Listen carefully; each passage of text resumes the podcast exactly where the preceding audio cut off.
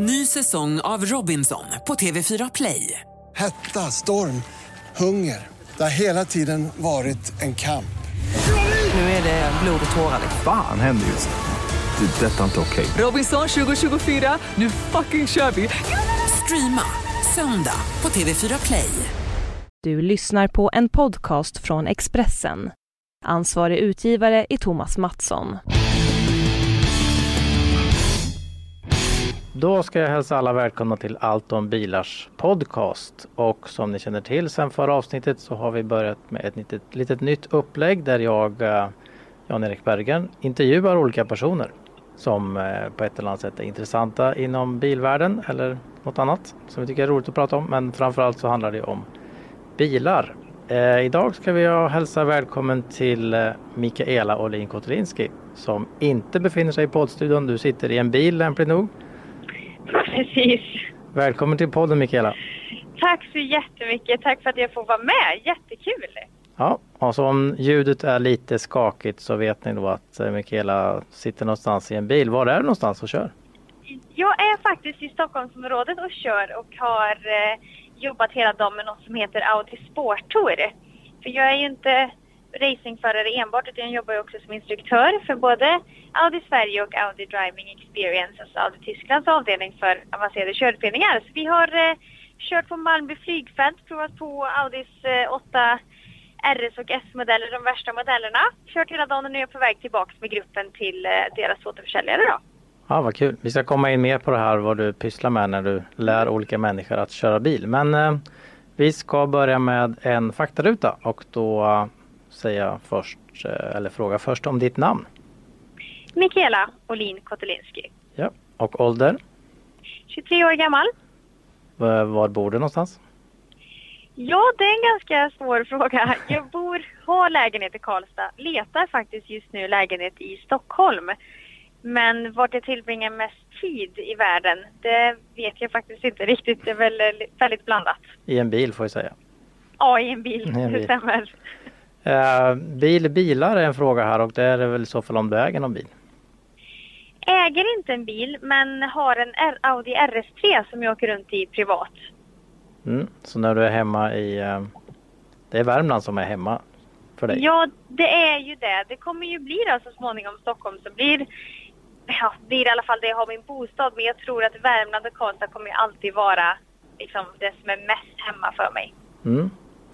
Du, om vi går över på några frågor där som handlar lite om bilkörning så får du några alternativ och då ska du först Mm. välja på eh, självkörande eller taxi. Eh, självkörande, alltså att jag, jag kör själv då såklart. Nej, Inte- självkörande bilar eller taxi, det var min tanke. Okej, du menar så. Nej, men då... Ja... Hmm, den var kluven. För först så skulle jag säga att jag skulle nog helst faktiskt vilja eh, köra alltså, med taxi. Men så insåg jag att jag vet ju för sig inte vem som kör då. Nej. Så kanske... ehm, nej, men jag, jag säger nog taxi ändå. För Mm. att eh, jag litar absolut på tekniken. Men någonstans så tror jag ändå på, eh, ja, på en person bakom ratten. Ja. Du jobbar ju åt Audi som ju är framstående vad gäller självkörande bilar så att jag förstår att du måste vara lite politisk i svaret här. nej, men det här är det. Jag tror att, alltså, att det fungerar ju. Jag har ju åkt med själv och jag vet att det funkar. Men någonstans så är jag väldigt åkrädd som person generellt sett. Mm. Och då tror jag, det beror på hur lång sträcka det skulle vara. Är det en kortare sträcka, inga problem. Men är det en ganska lång sträcka så säger jag nog taxi. Okej. Eh, Så kommer nästa fråga då. Backkamera eller backspegel? Hmm. Backkamera. Backkamera, du gillar det. Ja. Eh, Automat eller manuell? Det beror på om du menar manuell som i paddlar. Då väljer jag det. Annars Mm. väljer jag Det är väl kanske mer automat va? Okej, Ja. då tar vi mer automat. Det var ju lite överraskande. Ja, det verkar som att många annars, annars skulle ha sagt eh, manuell. Alltså vanlig Nej, men jag, jag tycker om att växla med, med paddlar och tycker att det är fränt. Eh, H-låda är inte riktigt min grej. Sekventiell låda tycker jag också är superhäftigt. Men vanlig H-låda, nej, då väljer jag hellre automat i så fall. Mm. Det är ju, om vi får sticka in med det här, det är ju, det är ju faktiskt uh, min erfarenhet att det är lättare att köra riktigt fort med en automatlåda. Ja, alltså det skulle jag också säga när det kommer till i alla fall racing då, så är ju paddlar det som är snabbast. Och, eh, för det blir ju att, ja du kan ju tappa väldigt mycket i växlingen med en hållåda. Mm. Um, ja, nästa fråga. Ferrari, Ferrari eller Lamborghini? Lamborghini. Okej, italiensk ska det vara. Det är ju Det är ändå sig båda, närmast huset också. Ja, just det, just det närmast huset. Uh, ditt bästa bilminne? det är vinsten på Norrisring. Än så länge är det mitt absolut bästa bilminne. Mm. Om man får ta det som bilminne. Ja, absolut. Det får man. Okej. Ja. Eh, bästa musiken i bilen? Ja, jag är ju väldigt blandad i min musiksmak. Så jag tycker om att lyssna på radio för då får du allt ifrån eh, pop till lugna låtar till klassiker till nya. Så jag skulle säga radio. Mm. Även när du befinner dig utomlands? Ja, men det gör jag. Däremot är jag en sån här som byter radiokanal väldigt, väldigt ofta. Så min teamkamrat säger att jag trycker väl mer på byta kanalen än någonting annat. Du gillar inte reklamen kanske? Nej, jag gör ju inte det. Och framförallt är jag en sån här som lyssnar på en låt kanske halva och tycker att den är jättebra och sen så känner jag att nej men nu, nu vill jag ha något nytt så då, då byter jag. Mm. Det var faktarutan det. Eh, Jag tänkte gå vidare på det som jag upptäckte och som vi har pratat om lite här. Jag upptäckte i, i sociala medier att du var ute och körde bil och det verkar som att du kör själv väldigt mycket. Är det så att, som du säger, att du är åkrädd och själv, helst kör själv? Jag skulle verkligen säga att det är så, ja. Och varför det är så, det är inte så att jag inte litar på andra människor, men det blir väl det när man själv kör så mycket bil. Om man är så van att sitta vid ratten själv så blir det en så komisk känsla att sitta bredvid. Jag tror att det är därför jag helst kör själv. Också för att jag vet att jag har kontrollen på situationerna.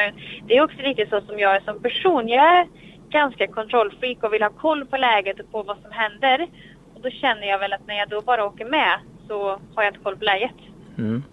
Du är ju eh, uppväxt i en familj där det mycket handlade om bilar. När var det, när var det som det blev naturligt att du körde?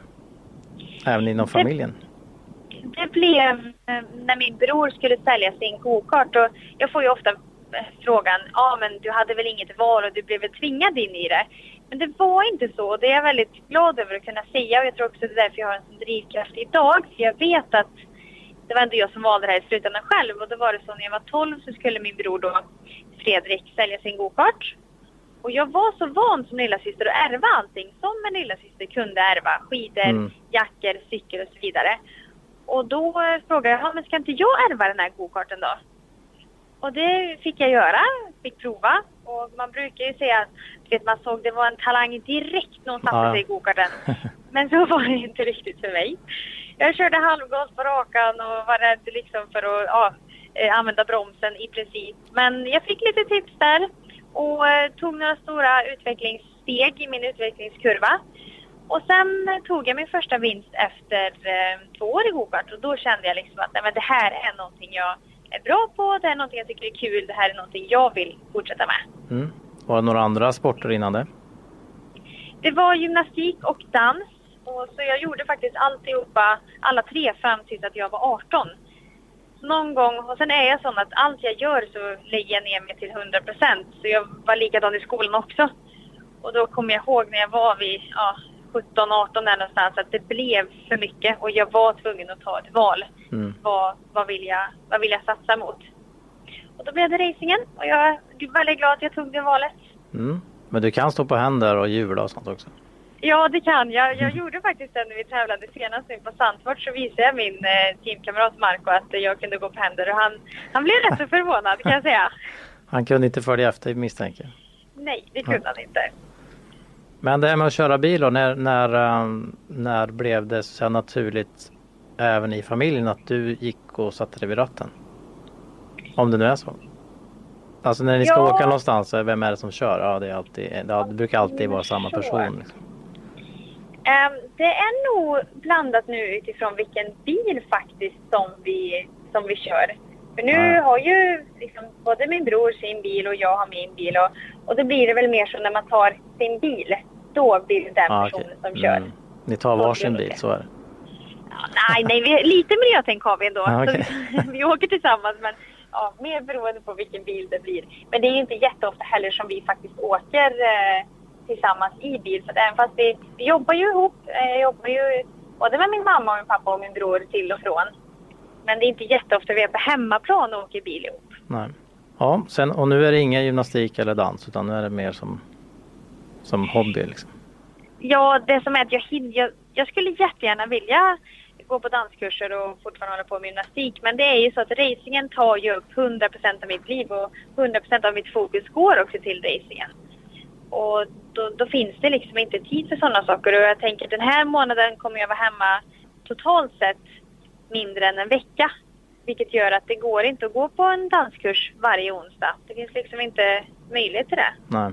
En vanlig sån racehelg, är det liksom från onsdag till måndag eller ännu längre? Nå, jag skulle säga vanlig racehelg blir ju att man reser ner antingen onsdagen eller på torsdagen. Och sen så reser man hem antingen söndag kväll eller måndag morgon. Men förberedelserna börjar ju långt tidigare innan det. Både med att åka och träffa min mentala coach som jag jobbar med. Men också planera inför helgen om man har gäster som kommer, eh, samarbetspartners. Samma sak om ehm, jag studera data inför helgen och jag brukar få det av min ingenjör, gamla onboards och gamla eh, data som jag kan kika på och förbereda mig. Så att eh, det börjar ju inte jättelångt innan men en och en halv vecka eh, totalt sett innan skulle jag väl säga att man börjar liksom lite smått jobba på inför nästa racehelg. Mm. Vi kanske ska berätta för lyssnarna, eller du får berätta exakt vilken klass du kör i. Jag kör en serie som heter ADAC GT Masters och det är en GT3-klass som går mestadels i Tyskland. Eh, Fem stycken racinghelger i Tyskland, en i Österrike, en i Holland. Och det är inte en eh, klass där det är samma bilmärke, inte en enhetsgrupp utan det är blandat allt ifrån då en Audi R8 LMS som jag tävlar i till eh, Porsche, till Lamborghini, det är Ferrari, det är BMW, det är Mercedes. Så det är en, ja, blandade märken och vi är 32 stycken bilar som kör. Jag skulle faktiskt säga just nu i år om man tittar på både förarna och bilarna som är i den här serien så är det en av världens, kanske till och med världens tuffaste GT3-serie år 2016. Så det är stenhårt eh, konkurrens.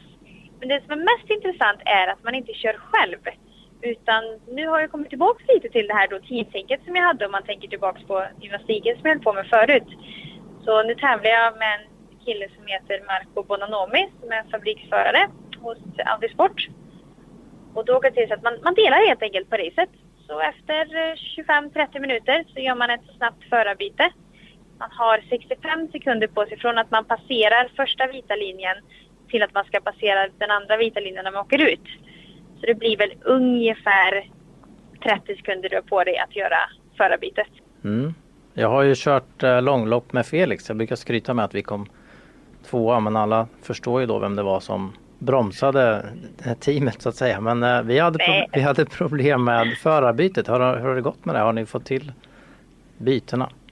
Jo men det har vi verkligen fått till. Jag, det mesta vi har tappat, för det är väldigt svårt att få exakt 65 och är du under 65 sekunder då får du en drive-through så det är någonting du verkligen inte vill utsätta dig för.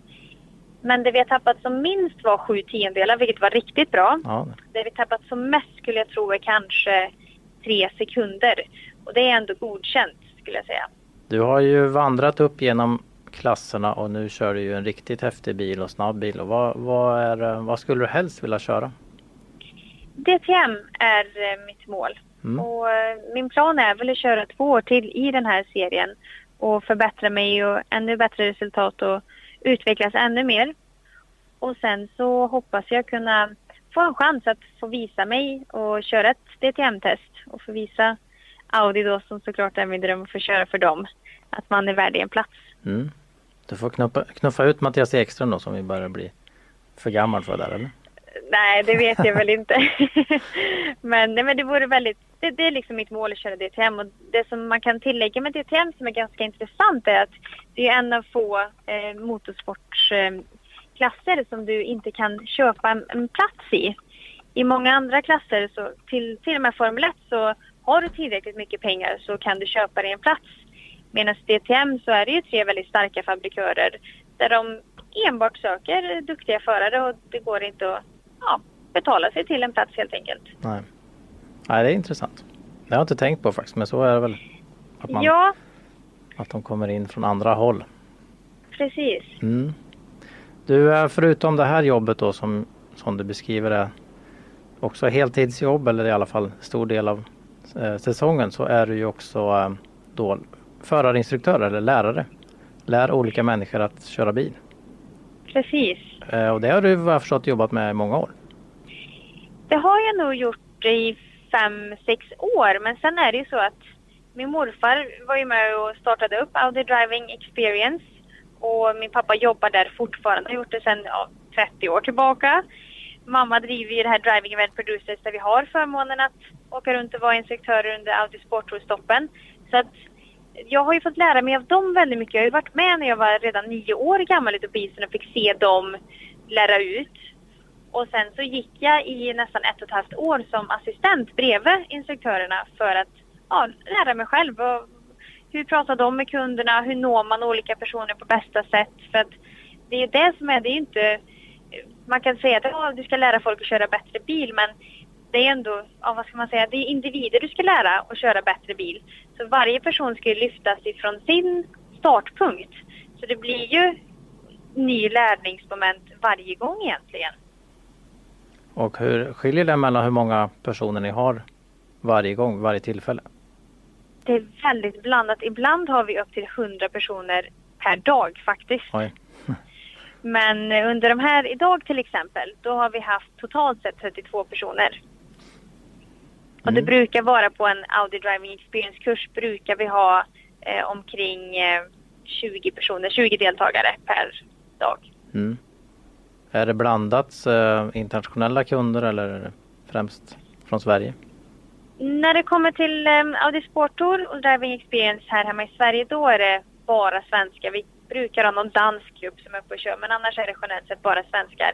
Men när det är för Audi Driving Experience, då är det ju verkligen hela världen. Mm. Jag gjorde ju till exempel en, ja, där vi skulle visa upp nya R8 och folk skulle få provköra den. Så det var i Barcelona i tre veckor och fick verkligen folk ifrån hela världen. Och det var väldigt häftigt att träffa personer från så många olika länder. Mm. Ja, att jag frågar beror på att jag tänkte också ställa frågan hur, hur är vi svenskar på att köra bil? Väldigt bra generellt sett. Det ska jag verkligen ge cred till alla svenskar. Det är, visar ofta stor respekt, lyssnar på vad man säger.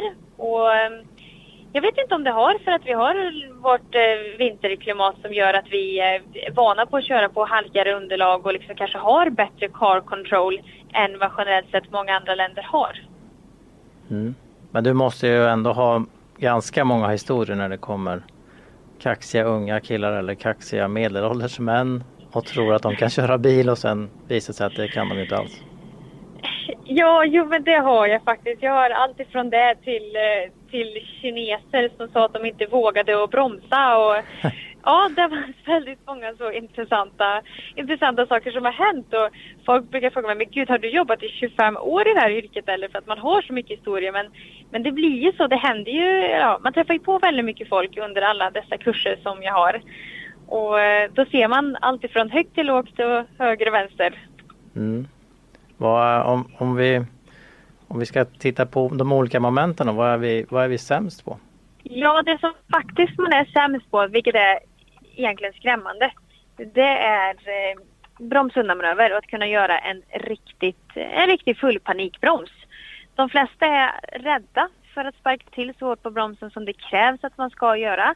Är inte bara rädda för att, eh, ja, för att bromsa men framförallt för att förstöra sin bil för de tror att de ska förstöra, förstöra sin bil. Och det gör de ju inte. Absolut inte. Det är snarare så att de förstör den om de krockar in i någonting för att de inte gör en ordentlig broms. Mm. Ja, där har det ju hänt en hel del, alltså nya panikbromsassistenter är ju väldigt bra på nya bilar. Ja, det är de absolut och jag menar de kan läsa av men i slutändan så är det ändå så att det är vi som har ögonen, det är vi som sitter bakom ratten. Mm. Och kan vi göra en riktig panikbroms, vi har rätt teknik, vi vet vad vi ska göra, så kommer vi alltid göra det bättre än systemen och i många fall så räddar det liv. Mm. Det jag menar också var att man, man måste så, aktivera Ja, du menar så, så Om ja. man, om, man, om man bromsar för försiktigt så får man ju inte igång alla system i bilen. Man måste Nej. verkligen stampa till ordentligt för att den ska fungera som tänkt. Ja, det är lite, jag brukar säga att man ska jämföra det som en boxare. De eh, skapar utrymme och sen slår de till på bromsen. Eller inte bromsen, ja, sitt mål. Och det är samma sak här. Man ska lyfta upp foten, sparka till på bromsen, aktivera den här bromsassistanten som då direkt bygger upp maximalt bromstryck. Och det är inte så många som vet om det. Men sen är det så, det är väldigt kul att se på våra kurser. Det tar kanske tre, fyra bromsningar. Men sen när man väl har fått in det, då sitter det där i bakhuvudet. Så det här är ju någonting som egentligen alla skulle behöva göra. Inte bara när man tar körkort utan ja, årligen skulle jag nästan säga. Mm.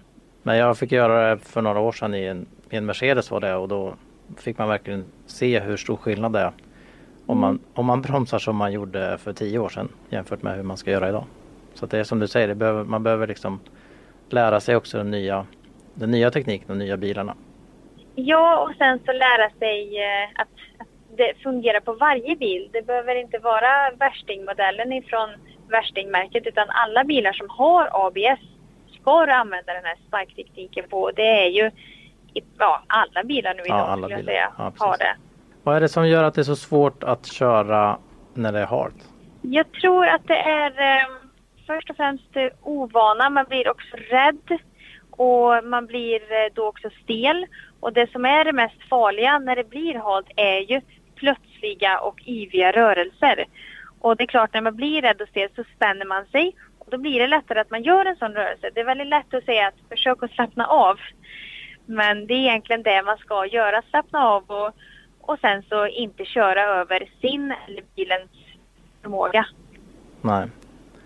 Eh, Jag måste ändå ta upp den här händelsen som, vi, vi, som, som hände i, i, vintras här när jag träffade dig på is när du lärde massa tjej, Ja. tjejer att köra bil. Då var det ju en, eh, en eh, Formel 1-förare där, din tidigare pojkvän. Och jag ska Ja. inte orda något om det mer än den som vill veta kan läsa en artikel på vår hemsida om, hur, om det. Men han var ju väldigt ivrig då, Max Verstappen får vi säga att han heter. Ehm, och det visade sig att han var ju inte så där väldigt snabb direkt att köra på is. Och då blir man lite förvånad liksom. En person som man ändå har kört väldigt, väldigt mycket och är en av världens mest talangfulla förare får vi säga som ändå inte kan behärska eh, iskörning till Det fullo. är, ju- ja, men det är svårt men, men övning ger ju färdighet. Så ju mer du kör eh, desto bättre blir det. Och jag skulle säga att, att köra på is är en av de absolut bästa medlen. Eh, händer det någonting så åker du ut i en snöbank och det är inte farligare än så än att du ja, dras ut med traktorn och sen så är du tillbaka och kör igen på banan. Så att eh, iskörning är väldigt bra just för att få car control och få veta ah, vart går gränsen, vad händer om jag nu kliver över gränsen, vad kan jag göra för att få bort det? Vad händer om jag får en understyrning? Vad ska jag göra? Vad händer om jag får överstyrningssladd? Hur ska jag agera? Så det är ju väldigt bra körning och eh, det, det man faktiskt inte ska ta bort är att eh, Max utvecklade sig väldigt snabbt under, under den här gången så att han är ju jättetalangfull och jätteduktig. Så, men han blev faktiskt inte snabbare än mig på slutet ändå. så jag var rätt nöjd över det får man ändå säga. Ja precis. Nej, men det var kul att se just den där skillnaden att man Det är som sagt inte riktigt så man tänker att, eh, att, att det ska vara så svårt liksom. Nej, nej men det är ju det och därför tror jag att eh, det märker man så fort det kommer snö i ja, men Tyskland och liksom andra länder där de inte är vana så blir de väldigt, väldigt osäkra i sin körning. Ja, Nej, det var intressant. Men eh, har man nytta av den här, det som man lär sig på is då, har man nytta av den även när man kör as, asfalt, vanlig asfalt? Ja, till 100 procent. För det som är att när man kör där bilen och man eh, lär sig att styra emot, man lär sig känna när börjar bilen släppa, när börjar jag få understyrning, när går det för fort in i svängen. Alla de här reaktionerna som då sen gör, de sitter ju kvar i ryggraden. Så till exempel nu senast när jag körde med min R8 LMS på Sandfort så fick jag sladd och fick överstyrning. Och då styr jag emot direkt. Det här gör ju jag utan att jag ens tänker. Det bara händer för jag känner att det är på väg att ske. Och det är det som är så bra på isen då, att du har all möjlighet att träna de här sakerna utan att någonting farligt händer. Och du har dessutom mer tid på dig för att allting som händer på is händer mycket långsammare. Sladden kommer långsammare, du har mer tid att förbereda dig på. När det sen kommer till asfalten så sker det ju blixtsnabbt. Men har du då tekniken hur du ska agera i ryggraden sker det automatiskt. Mm. Och det, det händer i lite lägre farter också på is alltså. Ja, Man kan få sladd i 60 istället för 160. Ja. Istället för 160. Ja, det var ungefär det jag hade när jag fick sladden där på Sandfort. Så jag var väldigt glad då att jag har kört på, på isen och lärt mig att styra mot. Mm. Men är det kul att, att lära, lära ut och köra bil? Eller är det så här, ja, en dag till på jobbet eller? Nej, jag tycker att det är jättekul för jag tycker det är så kul att se utvecklingen. Jag tycker också att det är kul att se att de blir så glada av att de blir bättre. För ofta är det så att man ser en tidig utveckling både när man gör eh, bromsundamanöverövningar eh, eller om man gör ja, överstyrning, åker in och val och tränar på att få sladd. Man ser så tydligt utvecklingen och då, då blir jag glad för att de blir också glada av att se att de blir bättre. Mm. Men du har också även på, du var med sa du på Audi R8 eh, visningen för, var det för eh, Ja. journalister och återförsäljare eller var det, vilka grupper var det? Det var blandat. Eh, Jag har både haft för journalister nere i Tyskland eh, men också haft för återförsäljare och representanter ifrån de olika Audi-husen runt om i världen. Ja, just det. Ja, jag blev inbjuden idag nämligen att köra R8 Spider men tyvärr så är jag upptagen Häftigt. den där Ej. Det var, ju, det var just i Barcelona så det var kanske var precis Ja. där du körde. Ja, det kan det nog ha varit. Mm. Ja, det hade varit roligt också men man kan inte vara överallt. Nej, det är ju så. Du har ju också ett upptaget liv förstår jag, precis som, som jag också har. Du, eh, om du ska ge något råd här då inför, eh, inför vintern. Det är ju faktiskt vinter på väg även om det är väldigt fint väder och varmt ute nu. Men, Ja, det jag skulle ge som råd är väl egentligen eh, faktiskt två saker. Det ena är att satsa på, eh, på bra vinterdäck. För att eh, vi pratar väldigt mycket om det när vi kör våra kurser att åker man eh, premiumbilar så ska man också köra på premiumdäck. Och det är för att det är lite som att jämföra Usain Bolt om han springer i flipflop. Man får liksom inte ut den maximala kapaciteten. Och det är samma sak när det kommer till vinterdäcken för att du får så mycket bättre grepp och det räddar verkligen, det räddar verkligen liv. Och du kommer också känna dig bra mycket tryggare om du kör med riktiga däck. Och det andra tipset är väl att eh, är man uppe i Åre mellan vecka 7 och 10 så kör vi något som heter Alley Test Drive och då får man möjlighet att på is göra en sån här bromsundamanöver. Eh, och man får möjlighet att köra på vår bana och få sladd och det kostar bara 100 kronor och går oavkortat till välgörenhet. mm, Så ja, eh, det tycker jag verkligen att man ska prova på. ja. ja, det är ett bra tips. Men eh, jag har ju varit på vinterdäcktest med, inte med dig men med, med din familj. Men ni, Ja. ni gör lite sånt också.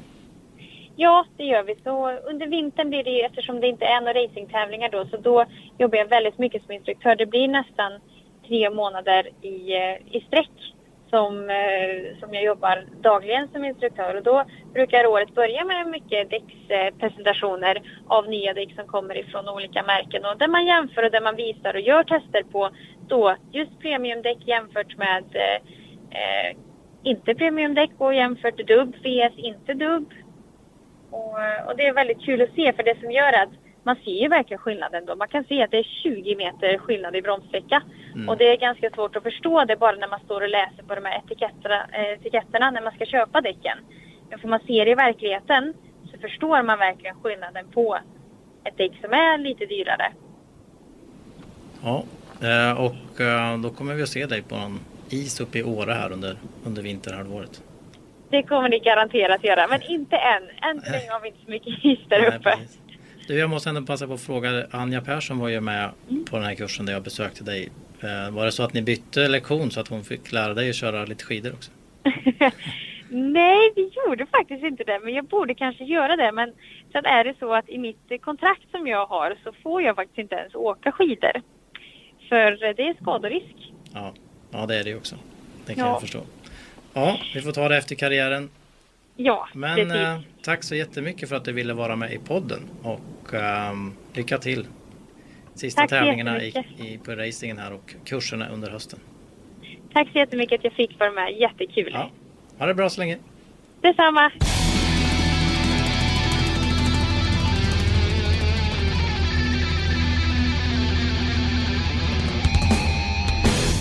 Du har lyssnat på en podcast från Expressen.